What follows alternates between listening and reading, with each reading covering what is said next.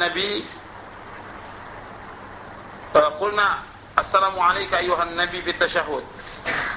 Wa nabiyyu hayyun falamma mata ajalu an dhalik wa qalu assalamu ala nabi. Kata Abdullah bin Mas'ud yang pernah diajarkan tasyahud oleh Rasulullah, kami para sahabat membaca assalamu alayka ayuhan nabi dalam tasyahud kepada nabi ketika nabi masih hidup. Tatkala nabi sudah meninggal dunia, para sahabat berpaling tidak mengucapkan assalamu ala nabi tapi uh, tidak mengucapkan assalamu alayka ayuhan nabi. Tapi mereka rubah dengan assalamu ala nabi wa dan riwayat ini sahih dibawakan oleh Syekh Al-Bani dalam kitab sifat salat nabi. Dan ini tentang masalah ini bukan hanya Abdul bin Mas'ud hatta tabi'in Aqa juga mengatakan anna sahabata kanu yaquluna wan nabiyyu hayyun assalamu alayka ayuhan nabi. Falamma mata qalu assalamu ala nabi wa hadha isnadun sahih. Jadi kata Atha bahwasanya para sahabat biasa mengucapkan assalamu alayka ayuhan nabi ketika nabi masih hidup.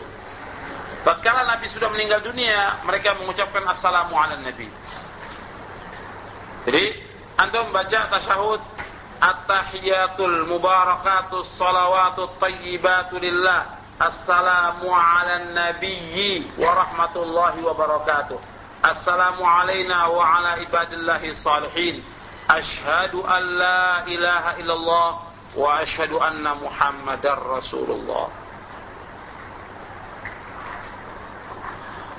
Yang kedua yaitu at-tahiyatu lillah wassalawat wa tayyibat assalamu ala nabiyyi wa rahmatullahi wa barakatuh assalamu alayna wa ala ibadillahi salihin asyhadu an la ilaha illallah wa asyhadu anna muhammadan abduhu wa rasuluh. Jadi kalau at-tahiyatu lillah wa salawat wa tayyibat akhirnya dengan asyhadu asyhadu an la ilaha illallah wa asyhadu anna muhammadan abduhu wa rasuluh. Tapi kalau di awalnya dengan at-tahiyatul mubarakatus salawatul lil wa salawatut tayyibat sampai akhir, akhirnya dengan yaitu asyhadu an la ilaha illallah wa asyhadu anna muhammadar rasulullah. Ini riwayat uh, Bukhari, Muslim dan juga riwayat Muslim. Itu tentang tasyahudnya. Kemudian tentang salawatnya,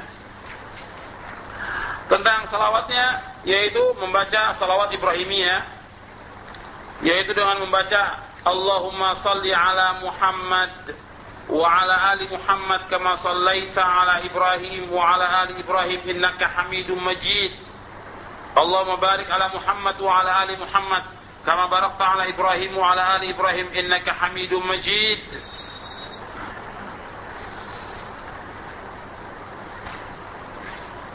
Ini riwayat Bukhari dan Muslim dan Nasai.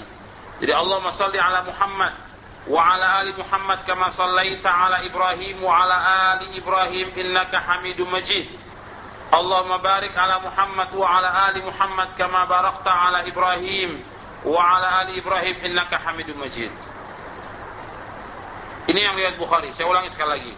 Allahumma salli ala Muhammad wa ala ali Muhammad كما صليت على إبراهيم وعلى آل إبراهيم إنك حميد مجيد اللهم بارك على محمد وعلى آل محمد كما باركت على إبراهيم وعلى آل إبراهيم إنك حميد مجيد dua kali innaka hamidum majidnya ini riwayat Bukhari Muslim dan Nasai ada yang memakai fil alamina riwayat Muslim saya bacakan yaitu yang memakai fil alamin innaka hamidum majid yang riwayat Muslim. Allahumma salli ala Muhammad wa ala ali Muhammad kama sallaita ala ali Ibrahim. Wa barik ala Muhammad wa ala ali Muhammad kama barakta ala ali Ibrahim. Fil alamin innaka hamidum majid.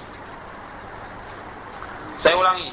Allahumma salli ala Muhammad wa ala ali Muhammad كما صليت على آل إبراهيم وبارك على محمد وعلى آل محمد كما باركت على آل إبراهيم في العالمين إنك حميد مجيد. سأقول لك اللهم صل على محمد وعلى آل محمد كما صليت على آل إبراهيم وبارك على محمد وعلى آل محمد, وعلى آل محمد kama barakta ala ali Ibrahim fil alamin innaka Hamidum Majid. Jadi bisa antum baca dua macam ini. Jadi untuk tasyahud awal sampai fil alamin innaka hamidum majid atau sampai innaka hamidum majid. Sempurna. Dan ini yang diraja oleh Syekh Al-Bani dan ini yang kuat. Adapun mengucapkan Allahumma salli ala Muhammad wa ala Muhammad kemudian stop langsung berdiri, enggak ada contohnya. Tidak ada riwayat yang demikian. Jadi kalau dikatakan salawat, ya salawat itu sempurna sampai habis. Karena ini bicara salawat dalam salat. Di luar sholat kita bisa meringkas. Kalau dalam sholat sesuai dengan contoh Nabi, baca dengan sempurna. Karena Nabi tidak meringkas. Jadi itu tasyahud awal demikian. Jadi duduknya duduk iftirash, kemudian e, kita isyarat, kemudian membaca tasyahud. Sekarang kita langsung masuk e, tasyahud akhir. Jadi rakaat yang ketiga kita bangkit dengan ajin lagi, kemudian dengan mengangkat tangan, baca ta'awud, baca Al-Fatihah, kemudian ruku. I'tidal, kemudian sujud, kemudian duduk, kemudian sujud, kemudian duduk istirahat, terakat yang keempat. Baca ta'awud, Al-Fatihah, kemudian ruku, i'tidal, sujud, duduk, terus sujud, sujud lagi, kemudian tasyahud. Nah, untuk tasyahud akhir ini yang tadi bacaan tasyahud awal ditambah dengan doa. Jadi saya bacakan At-tahiyatul mubarakatus salawatut tayyibatu lillah. السلام على النبي ورحمة الله وبركاته. السلام علينا وعلى عباد الله الصالحين. أشهد أن لا إله إلا الله وأشهد أن محمدا رسول الله. اللهم صل على محمد وعلى آل محمد كما صليت على إبراهيم وعلى آل إبراهيم. إنك حميد مجيد. اللهم بارك على محمد وعلى آل محمد كما باركت على إبراهيم. وعلى آل إبراهيم إنك حميد مجيد Ini tasyahud awal sampai sini. Kalau tasyahud akhir sampai sini juga ditambah. Untuk tasyahud akhir cara duduknya dengan tawarruk untuk tasyahud akhir, cara duduknya dengan tawarruk. Yaitu kaki kanan yang ditegakkan, kaki kiri dimasukkan ke kaki kanan. Tawarruk. Tawarruk itu kaki kiri dimasukkan ke bawah kaki kanan, kaki kanan ditegakkan. Jari-jari kaki ini menghadap ke kiblat. Kemudian isyaratnya seperti tasyahud awal, yaitu kita genggam semua jari, Kemudian jari telunjuk diangkat, digoyang-goyangkan. Dan ini goyang-goyang ini lebih keras pukulannya kepada syaitan daripada dipukul oleh besi. Lahia asyadu ala syaitan min hadid. Jadi jari telunjuk ini digoyang-goyang ini lebih keras pukulannya, jadi lebih keras memukul syaitan itu daripada dipukul syaitan itu oleh oleh besi. Jadi lebih keras pukulannya daripada dipukul dengan besi maksud saya. Kemudian kita mulai tasyahud. Seperti tadi bacaan tasyahud itu ditambah untuk tasyahud akhir ditambah dengan Allahumma inni a'udzubika min azab jahannam wa min azabil qabri wa min fitnatil mahya wal mamat wa min syarri fitnatil masihid dajjal. Jadi Allahumma inni a'udzubika min azab jahannam wa min azabil qabri wa min fitnatil mahya wal mamat wa min syarri fitnatil masihid dajjal. Kemudian ditambah lagi Allahumma inni a'udzubika minal ma'thami wal maghrami. Allahumma inni a'udzubika minal ma'thami wal maghrami. Jadi Nabi berlindung pada Allah dari dosa dan hutang. Kemudian ditambah lagi dengan doa yang bebas. Bisa kita baca doanya Abu Bakar ketika Abu Bakar As-Siddiq bertanya Rasulullah, apa yang saya baca dalam sholat? Nabi mengajarkan kepada Abu Bakar As-Siddiq, ya ini ahlul jannah. Itu perhatikan Abu Bakar As-Siddiq ahli surga. Diajarkan Nabi berdoa agar diampuni dosa-dosanya. Ada Abu Bakar ahli surga. Yaitu Nabi mengajarkan Allahumma inni zalamtu nafsi zulman katsira wa la yaghfiru dhunuba illa anta faghfir li maghfiratan min 'indik warhamni innaka antal ghafurur rahim. Jadi Allahumma inni zalamtu nafsi zulman katsira wa la yaghfiru dzunuba illa anta faghfir li maghfiratan min indik warhamni innaka antal ghafurur rahim. Atau bisa juga kita baca Allahumma hasibni hisaban yasira atau yang lainnya. Jadi itu bacaan tasyahud akhir kita agak lama. Karena ada tambahan-tambahan doa. Jadi tidak terburu-buru kita. Jadi tasyahud akhir itu setelah kita fil alamin innaka hamidum majid atau innaka hamidum majid selesai, kita tambah dengan Allahumma inni a'udzubika min adzabi jahannam wa min adzabil qabri wa min fitnatil mahya wal mamat wa min syarri fitnatil masiihid dajjal. Allahumma inni a'udzubika minal ma'thami wal maghrami. Jadi Nabi berlindung Allahumma inni a'udzubika min adzabi jahannam. Ya Allah, aku berlindung kepada Engkau dari azab jahannam wa min azabil qabr dari fit dari azab kubur. Wa min fitnatil mahya wal mamat dari fitnahnya hidup dan mati. Wa min syarri fitnatil masihid dajjal dan dari kejelekan fitnahnya masihid dajjal.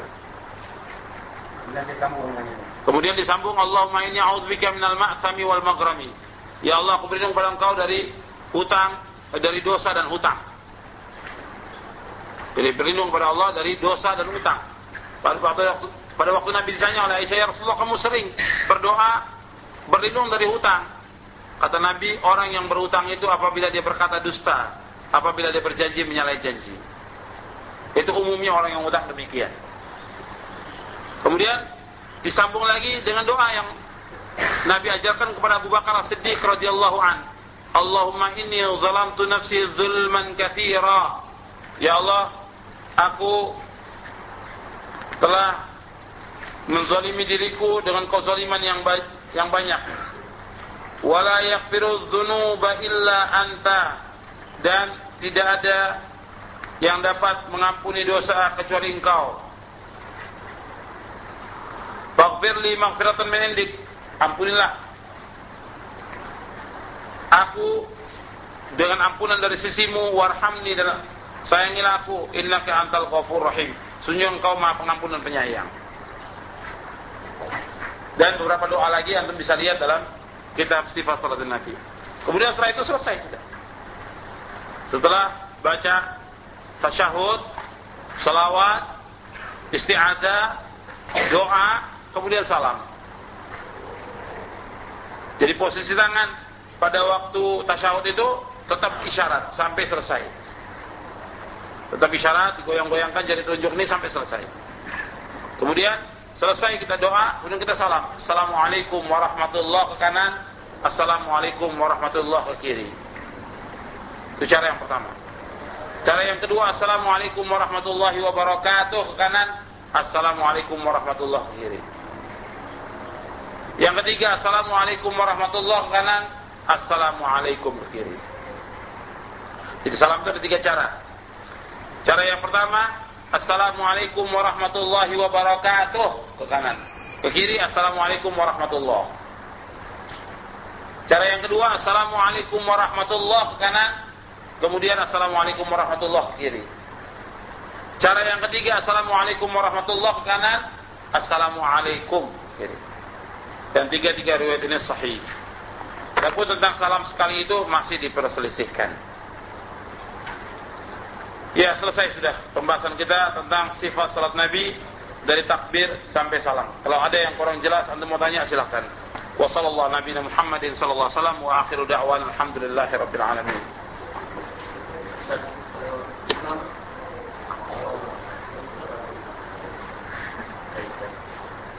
Kalau imam dah uh, akhir dapat disalam, kita tasyahud belum habis untuk uh, habis tasyahud kita atau kita ikut salam untuk tahiyat awal dan tahiyat awal dia dia dia pun gitu kalau tasyahud awal imam berdiri kita harus ikut berdiri begitu tasyahud akhir kalau jaraknya hanya sedikit artinya begitu imam salam kita ada kurang doa kita baca selesai kemudian salam tapi kalau lama menyalahi imam tidak boleh karena Nabi Innama ju'ila al-imam liyutamma bih fala takhtalifu alaihi.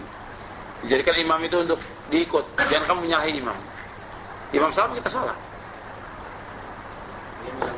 Kalau imam salah ini kuat warahmatullahi ini belahan ataupun sama kuat? Sama, sama kuat. Sama nyaring. Sama nyaring. Kalau bahas ini? Tidak ada contohnya. Sama-sama nyaring. Ya. ada yang beralasan di Masjid Nabawi uh, boleh sholat di dia jawab alasan yang bolehnya sholat di Masjid Nabawi. Iya. Tentang masalah di Masjid Nabawi bahwa Nabi Shallallahu Alaihi Wasallam meninggal dunia di rumahnya Aisyah radhiyallahu anha. Kemudian dalam riwayat disebutkan bahwa nabi-nabi itu dikuburkan di mana mereka meninggal dunia. Wafatnya di rumahnya Aisyah ya dikuburkan di situ. Maka Nabi dikuburkan di rumahnya Aisyah. Rumahnya Aisyah itu tidak masuk bagian masjid.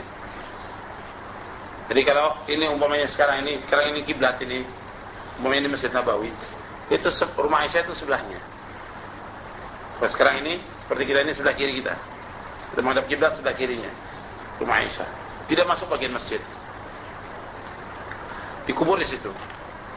Kemudian setelah itu pada zaman masanya Abu Bakar Siddiq tetap demikian. Abu Bakar meninggal wasiat dikuburkan di sebelah Rasulullah. Umar juga demikian dikuburkan sebelah Rasulullah. Jadi tiga itu. Rasulullah, Abu Bakar, Umar. Radhiyallahu anhu ajma'in. Kemudian pada zaman Utsman tetap demikian. Utsman dikuburkan di Baqi. Ali juga demikian. Ya, nggak jauh dari Masjid Nabawi. Di Baqi. Sampai sekarang ada Baqi. Kuburan Baqi. Kemudian pada zaman itu Muawiyah dan selanjutnya ah, pada zaman Abdul Malik zaman Abdul Malik bin Marwan sahabat sudah menyebar ke mana-mana ada yang di Mesir, ada yang di Syam ada yang di Kufah, di Irak, di mana-mana, di Basra. Sedikit sahabat yang ada di Madinah. Nah, orangnya sudah banyak. Tidak mencukupi Masjid Nabawi. Akhirnya raja ini mempunyai inisiatif untuk membongkar rumahnya Aisyah. Dibongkar. Dan sahabat sudah menegur. Tidak boleh. Dibongkar, masuk. Karena akan dilebarkan ke sebelah kiri. Otomatis masuk rumahnya Aisyah radhiyallahu anha dibongkar. Masuklah kubur itu ke dalam masjid Nabawi. Karena sahabat sudah mengingatkan. Dan tidak disukai oleh para imam tentang cara itu. Dan terus raja-raja ini membiarkan demikian. Dan pergantian dari satu generasi ke generasi yang lain tetap demikian. Kalau umpamanya kubur ini dibongkar, menyalahi wasiatnya Rasulullah SAW. Tidak boleh dan fitnah di kalangan kaum muslimin kalau dibongkar kuburannya Rasulullah. Kalau masjidnya yang dibongkar juga fitnah karena sholat di masjid Nabawi itu mendapatkan seribu kali sholat. Kalau masjidnya dibongkar, dipindah ke tempat lain tidak mungkin. Tidak ada lagi nilai pahalanya seribu kali sholat tidak ada lagi. Jadi serba salah. Kalau ini dibongkar kuburnya fitnah, dibongkar masjid juga fitnah. Akhirnya seperti itu. Tetap. Jadi ini khususnya untuk Masjid Nabawi. Dan para ulama semua imam sepakat. Karena sudah sulit untuk bongkar dan raja tidak memberikan. Tidak boleh. Untuk dibongkar. Tapi hukum tentang tidak bolehnya membangun masjid di atas kubur atau menguburkan di dalam masjid atau di bagian kiblat dari masjid tidak boleh. Sepakat para ulama seluruh ulama dari empat imam madhab dengan larangan-larangan Nabi la'anallahu al-yahuda wan nasara ittakhadhu kubur anbiya'ihim masajid. Fala tattakhidul kubur al masajid. Larangan tetap berlaku. Hadis Nabi ini sahih. Nah, karena itu ini berlaku untuk seluruh masjid di dunia dan masjid ini bukan sebagai contoh karena Rasulullah tidak mencontohkan ada kuburan masjid. Abu Bakar, Umar, Utsman, sahabat, Khulafaur Rasyidin tidak mencontohkan adanya kuburan dalam masjid. Ini yang bangun raja. Gitu. Bukan kesalahan mereka dan bukan contoh Khulafaur Rasyidin. Karena Nabi suruh mengingat alaikum bisunnati wa sunnatul khulafaur rasyidin. Dan ini bukan contohnya dari khulafaur rasyidin. Karena itu tidak bisa dijadikan sebagai dalil untuk bolehnya sholat di masjid yang ada kuburnya. Larangan larangan Nabi yang lebih dari 10 hadis itu tetap berlaku sampai hari kiamat. Jadi nggak bisa kita dan itu. Karena sudah susah untuk dibongkar. Jelas? Ya. Lanjutan ini Pak, keadaan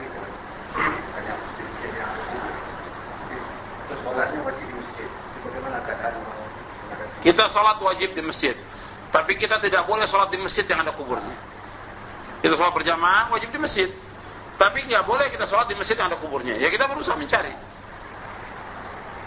Mencari masjid atau surau yang tidak ada kuburnya. Ya berusaha masih banyak kok yang tidak ada kuburnya banyak. Kalau kuburnya itu ada jaraknya, misalnya di sini mungkin di rumah di bagian depan itu kubur atau dibatasi dengan pagar atau dibatasi dengan Yang pertama, kalau kubur itu di depan masjid langsung tidak boleh kita sholat. Dengan dasar hadis Nabi, la tusallu ilal kubur wa la tajlisu 'alaiha. Rawahu Muslim. Jangan kamu salat menghadap kubur dan jangan kamu duduk. Kalau kubur itu jauh, kita masjidnya ada pagarnya, ada jalan, kemudian juga ada pagarnya lagi baru ada kubur, nggak apa-apa. Dalam keadaan terpaksa demikian. Tapi diusahakan tidak ada masjid yang dekat kubur atau kubur dekat masjid. Karena untuk menghindari itu. kalau di masjid itu kubur, tapi kubur itu disediakan sebagai kubur. Masjid itu disediakan sebagai masjid. Ya diwakafkan.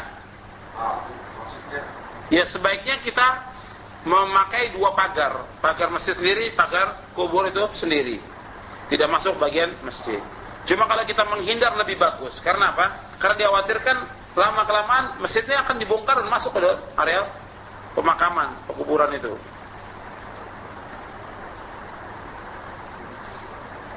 Ya, yang lain. Di dalam Islam tidak ada masjid bersatu dengan kubur selama-lamanya. Yaitu keadaan darurat yang memang bukan inisiatif, bukan kehendak dari para sahabat tidak. Para sahabat sudah mengingkari. eh, sholat Jumat, tetapi di dalam masjidnya itu ada mayat. Biasanya itu masjidnya dipakai untuk setelah sholat Jumat dipakai untuk sholat jenazah. Ya itu juga keliru. Mestinya mayat itu tempatnya di belakang. Waktu mau disolatkan baru ada di, di hadapan. Sebab kita sujud menghadap mayat tidak boleh. Itu banyak juga yang salah. Di masjid ketika ada mayat mau disolatkan, ah, mayat ini diletakkan di depan. Salah. Mestinya mayat itu diletakkan di belakang. Waktu mau disolatkan baru dibawa ke depan. Kalau umat kita, yang sholat di situ dan kita berdoa aja. Kita sholat di situ tidak menghadap mayat. Dan berada di hadapan. Iya tidak. Jadi eh, mayat ini mayat kita cari sebelah lain karena kita akan menyolatkan mayat ini kan muslim kita disunahkan untuk menyolatkan. Ya, artinya diwajibkan wajib kifayah menyolatkan mayat muslim.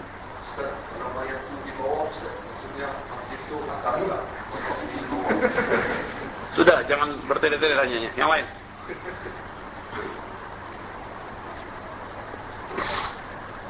Iya untuk berada di tempat yang kemudian yang tempat kawasan. Ya sebenarnya pemakaman atau kuburan itu tetap pada tempatnya tidak dibongkar. Cuma kadang pemerintah itu ingin memperluas jalan atau yang lainnya sehingga dibongkar. Ya kalau dibongkar dalam keadaan terpaksa ya nggak ada masalah. Ya eh, dikuburkan di tempat lain. Sebenarnya nggak nggak mesti dibongkar kubur-kubur itu, tetap pada tempatnya. Jadi dilihat oleh pemerintah atau oleh amri kepada maslahatnya. Ya mereka mau jawab.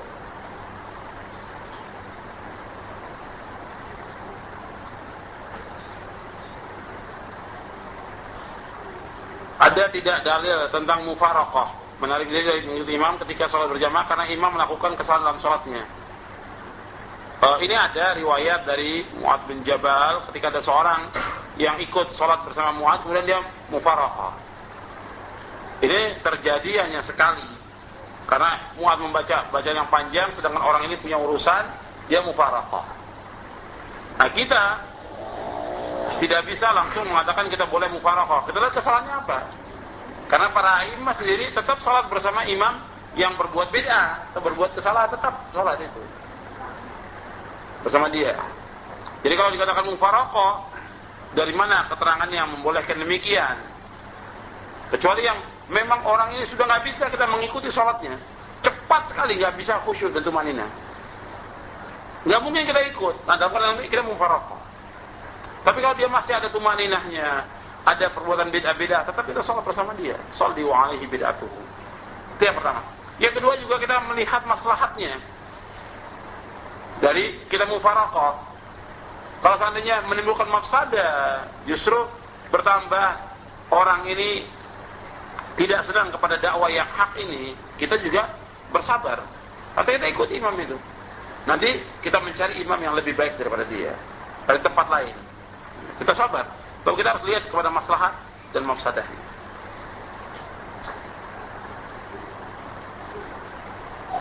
Bolehkah kita melintasi atau lewat di depan orang yang salat tanpa sutroh? Tidak boleh. Tetap tidak boleh. Oh kalau jauh, ya terpaksa kita lewat karena yang salah dia tidak pakai sutroh. Jauh, pokoknya dia di belakang sini. Sedangkan kita udah mesti lewat karena pintunya ada di sana. Ya kita harus lewat. Dia yang salah. Sebab yang dilarang itu melewati yang berhadapan langsung. Maka orang itu bisa untuk mencegah. Bolehkah doa diperbanyak dalam sujud dan doa apa saja? Ya bebas. Artinya tidak ada doa khusus dalam sujud. Kita bisa baca uh, ya muqallibal qulub sabit qalbi ala dini. Ya musarrif qulub sarif quluban ata'atik. Kita bisa baca Rabbi ighfirli wa liwalidayya warhamhuma kama rabbayani shaghira atau yang lainnya. Kita boleh.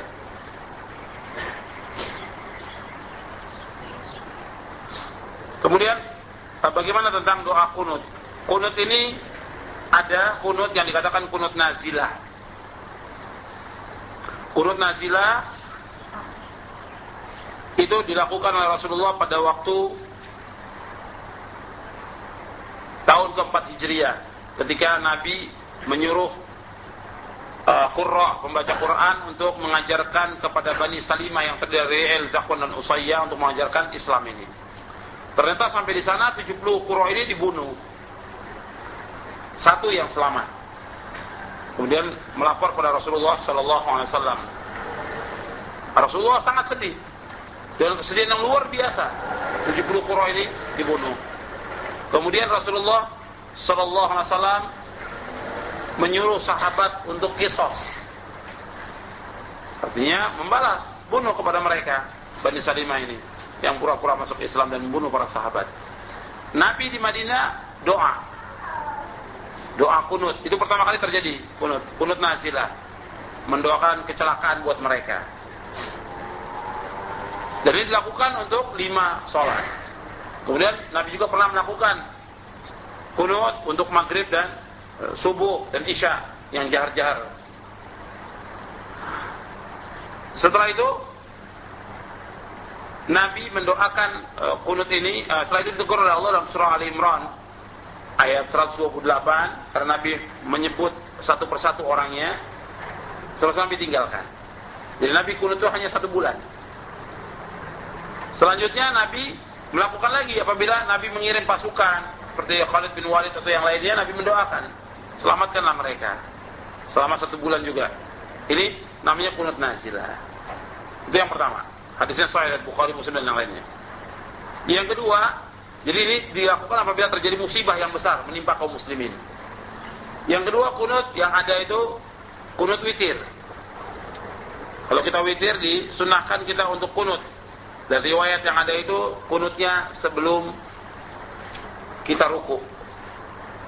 Dan dilakukannya sepanjang tahun. Itu riwayat yang sahih. Bagaimana dalam riwayat Ibnu Abi Syaibah. Dan Nabi kunut witir itu terus panjang tahun. Kunut witir itu. Tidak hanya pada Ramadan saja atau e, separuh dari Ramadan. Itu memang ada pendapat dari Imam Syafi'i. Separuh Ramadan itu. Itu kunut witir. Jadi kalau kita witir malam ini kita baca di rakaat yang ketiga, rakaat yang terakhir sebelum kita ruku kita baca witir. Kunut witir itu. Allahumma adini fiman hadait wa afini fiman afait dengan mengangkat tangan. Tapi tidak ada mengusap muka. Mengangkat tangan ada. Tapi tidak ada mengusap muka. Kemudian setelah itu kunut yang lain yang tidak contohnya yaitu kunut subuh. Jadi yang ada contoh kunut nazilah, kunut witir. Kunut subuh tidak dicontoh Nabi. Ada riwayat dari Anas mengatakan bahwa Nabi SAW itu melakukan kunut subuh. Tapi riwayat ini hadis yang dhaif. Karena apa? Karena dalam sanatnya ada rawi yang bernama Abu Ja'far Ar-Razi yang dia dilemahkan oleh ulama ahli hadis. Jadi di sini dhaif. Kalau dhaif tidak bisa dipakai sebagai hujjah. Dan hadis ini ter termaktub dalam kitab silsilah hadis ad-dhaifah wal mawdu'ah. Kemudian ada lagi yang lain yaitu Tariq bin Asyam Al-Asyai pernah bertanya kepada bapaknya, Wahai bapakku, engkau pernah sholat di belakang Rasulullah, Abu Bakar, Umar, Uthman, Ali. Apakah mereka kunut subuh? Dijawab oleh bapaknya, Ai bunayya muhdathun. Wahai anakku, kunut subuh itu bid'ah. Ini hadis bisa dilihat di dalam kitab Bulughul Maram min Adilatil Ahkam. Bisa dilihat dalam kitab Bulughul Maram min Adilatil Ahkam.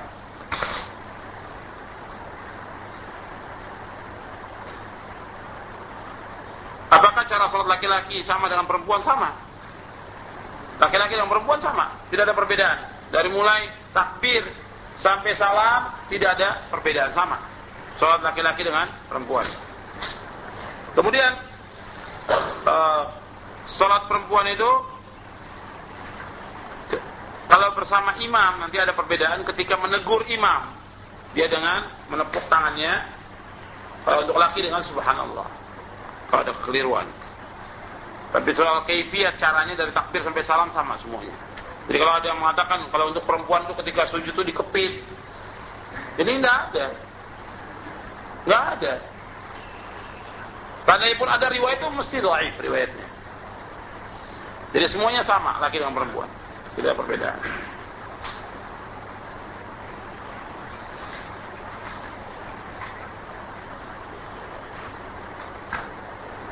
Bolehkah kita mengadakan sholat berjamaah yang kedua setelah imam pertama selesai sholatnya? Kita kembali kepada contoh. Artinya, sholat kalau seandainya itu imam rawatib, rutin imamnya rawatib. Maka kita tidak diperkenankan untuk membuat jamaah yang kedua. Karena contoh, sahabat ketika Nabi selesai sholat, ada sahabat yang terlambat, masbuk Sahabat itu mengerjakan sendiri, dalam dua orang. Sendiri, sendiri masing-masing. Kejadian lagi yang kedua ketika dia masuk ke masjid dia niat untuk sholat berjamaah sampai di masjid sudah selesai sholat, maka dia pulang sholat bersama istrinya. Ini dua ini sahih riwayatnya.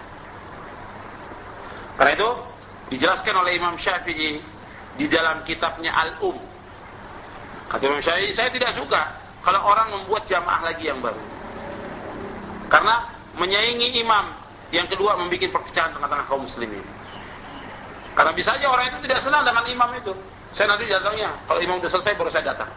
Bikin jamaah baru. Imam Syafi'i tidak menyukai ini. Dan itu terdapat dalam kitab Al-Qur'an. Jadi jamaah yang kedua pada hakikatnya sebenarnya dalam syariat ini tidak ada. Nah ada ulama yang membolehkan dalam keadaan tertentu seperti musafir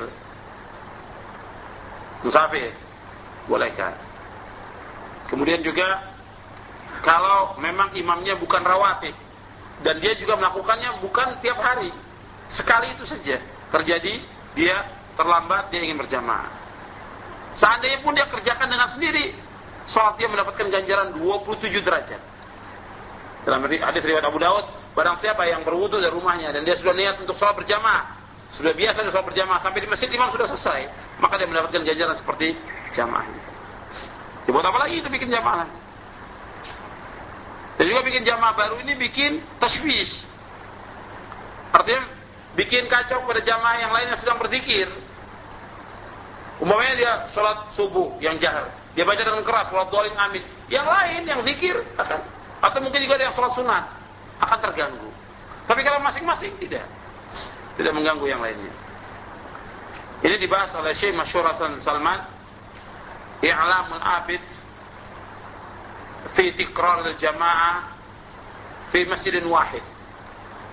Jadi e, memberitahu kepada hamba-hamba Allah tentang tidak bolehnya mengulangi atau apa membuat berjamaah baru lagi di satu masjid. Ada bukunya, tebal segini.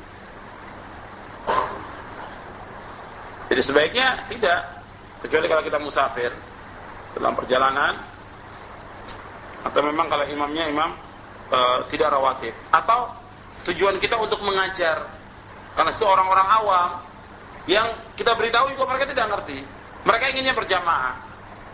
Dalam hal ini untuk mendidik dia sambil mengajarkan cara sholat, ya kita menjadi imam. Keadaan seperti itu boleh. Tapi kalau untuk rutinitas setiap hari terlambat membuat jamaah tidak boleh. Ya, tidak bolehnya dalam tidak ada contoh. Kita kembali kepada contoh. Dan saya uh, condong pada pendapat yang mengatakan tidak ada contoh karena memang sahabat tidak melakukan. Banyak sahabat yang masbuk tapi tidak ada riwayat bahwa sahabat berjamaah lagi bersama sahabat yang masbuk yang lainnya. Wallahu a'lam. Bolehkah kita menyambung saf yang terputus oleh tiang atau dinding ketika sholat berjamaah dalam masjid? Ya kalau seandainya memang terpaksa tidak apa-apa. Tapi kalau tidak, masjid itu masih luas, tidak boleh kita sholat di antara tiang. Jadi Nabi melarang kita sholat di antara tiang. Mulai masjid ini tengahnya ada tiang gini. Di tiang ini. Kemudian saf. Ini saf satu saf, ini tiang saf lagi. Ini tidak boleh. Kata Nabi, wattaqus sawari. Dalam kamu jauhkan diri kamu dari tiang-tiang itu. Ima di depannya atau di belakangnya. Ambil satu saf, tidak terhalang oleh tiang. Makanya untuk bikin masjid ini juga cari supaya tidak ada tiangnya. Itu bisa diatur. Tidak, tidak ada tiangnya supaya orang tidak uh, terputus saf itu dengan tiang. Kalau zaman Nabi bukankah di Masjid Nabawi juga ada tiang betul banyak tiangnya itulah sahabat gunakan untuk sholat sunnah tapi untuk berjamaah mereka menghindar dari tiang itu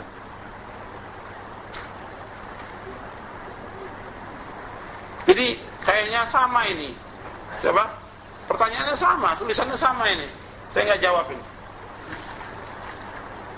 satu orang sepuluh kertas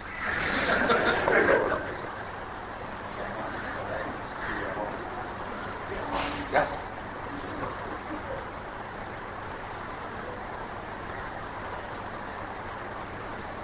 Iya, tentang masalah takbir bagaimana kita e, memilih? Ya kita bisa dua cara, bisa dengan yang pertama tadi sejajar dengan bahu, yang kedua sampai telinga. Apakah boleh menjadi imam e, menjadi makmum kepada imam yang bacaannya Fatihahnya rusak seperti sod dibaca shin sirat dibaca syirat. Ya kita kalau bisa memberitahu dulu kepada imamnya, menjelaskan kepada imamnya tentang kekeliruan itu. Jadi bisa saja keliru imam itu wajar sebagai manusia dan kita ingatkan supaya dia memahami kesalahannya. Kalau dia masih tak baca lagi Ya kalau kita bisa cari imam yang lain lebih bagus. Sebab kan kita uh, dengan bacaan imam yang enak suaranya, yang baik suaranya, menambah kehusuan kita sholat.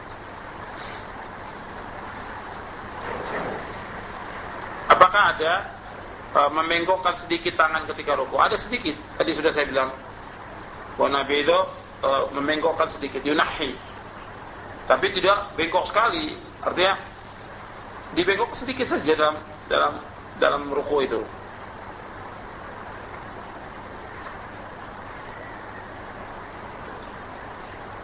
Apakah ada tempo jarak, tempo masa atau waktu untuk sholat musafir?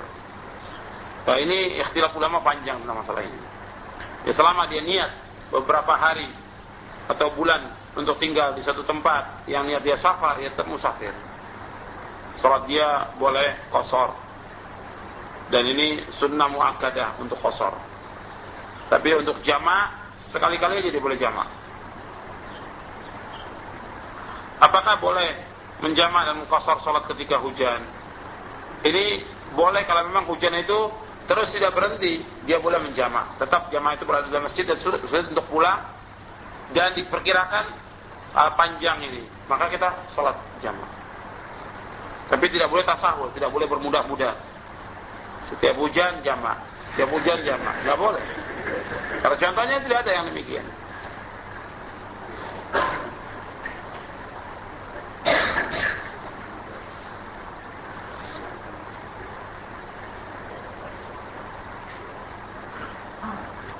Dalam tasyahud akhir bolehkah kita duduk seperti duduk tasyahud awal dikarenakan tempatnya sempit?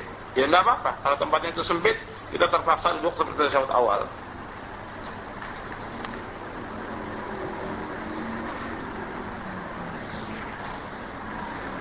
Itu tentang masalah jarak salat safar itu kalau memang sudah kita pertama dalam riwayat Ibnu Abbas itu sampai 80 km, 4 burt dalam dalam uh, kitab Bulughul Maram min Ajlatil Ahkam.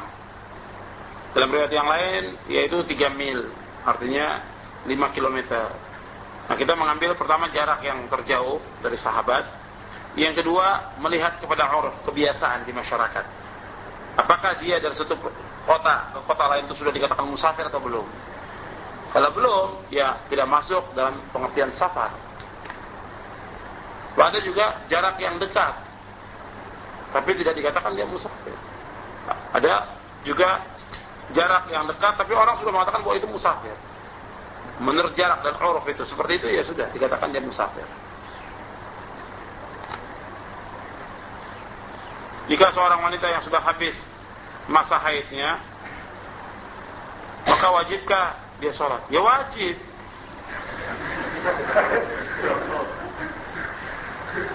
Bagaimana? Apakah dia mandi dulu atau tidak? Ya mandi dulu. Jadi wanita yang sudah habis haidnya, dia wajib mandi, kemudian dia sholat. Tidak ada kodok dari sholat yang sudah tertinggal itu, yang waktu masa haid tidak ada kodok. Apakah sholat kodok itu ada? Tidak ada. Sholat kodok itu tidak ada dalam Islam. Ya. Yeah.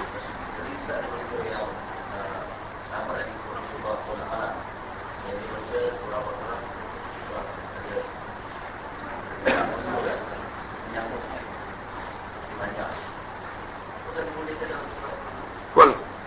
Boleh. Kenapa? Boleh. Boleh. Ada kan hadisnya? Di sifat salat Nabi ada hadisnya.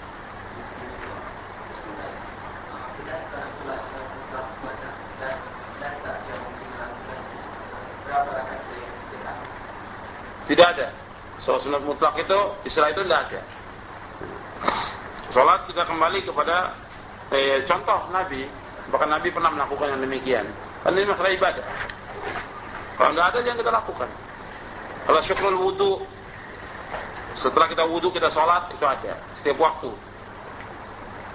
Lain. Setelah baca Nabi kita membaca surat-surat di hadis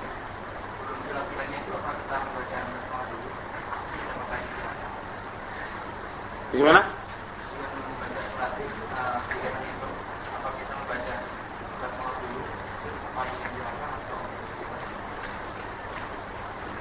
Untuk bismillah yang ada yaitu pada Al-Fatihah disirkan.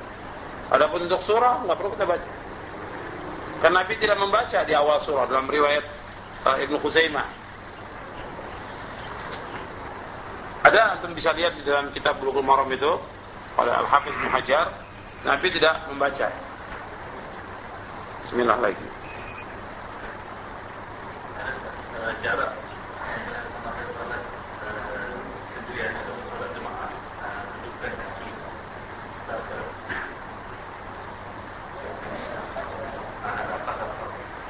Yeah. Tidak ada. Ini Islam ini mudah. Gimana orang berdiri yang wajar itu? Ya di situ. Jangan ditanya berapa sentimeter, berapa jarak. Itu namanya takallu.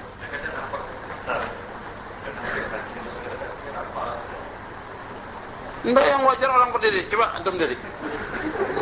Berdiri. Ya berdiri wajar. Kalau orang berdiri, kemudian dia berdiri begini, begini, nggak wajar. Masa ada orang berdiri seperti ini? Wajar aja berdiri, ini seperti ini. Sudah. Ya.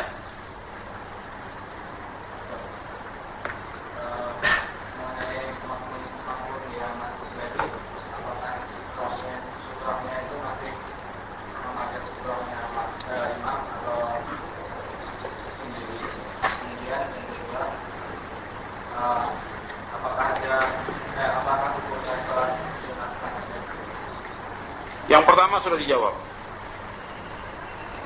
Sudah saya jelaskan tadi. Sudah belum saya jelaskan tentang sutra imam? Yang kedua tentang surat tasbih. Surat tasbih itu riwayatnya ada. Sebagian ulama mendhaifkan. Di antaranya oleh Imam Ahmad mendhaifkan di surat tasbih.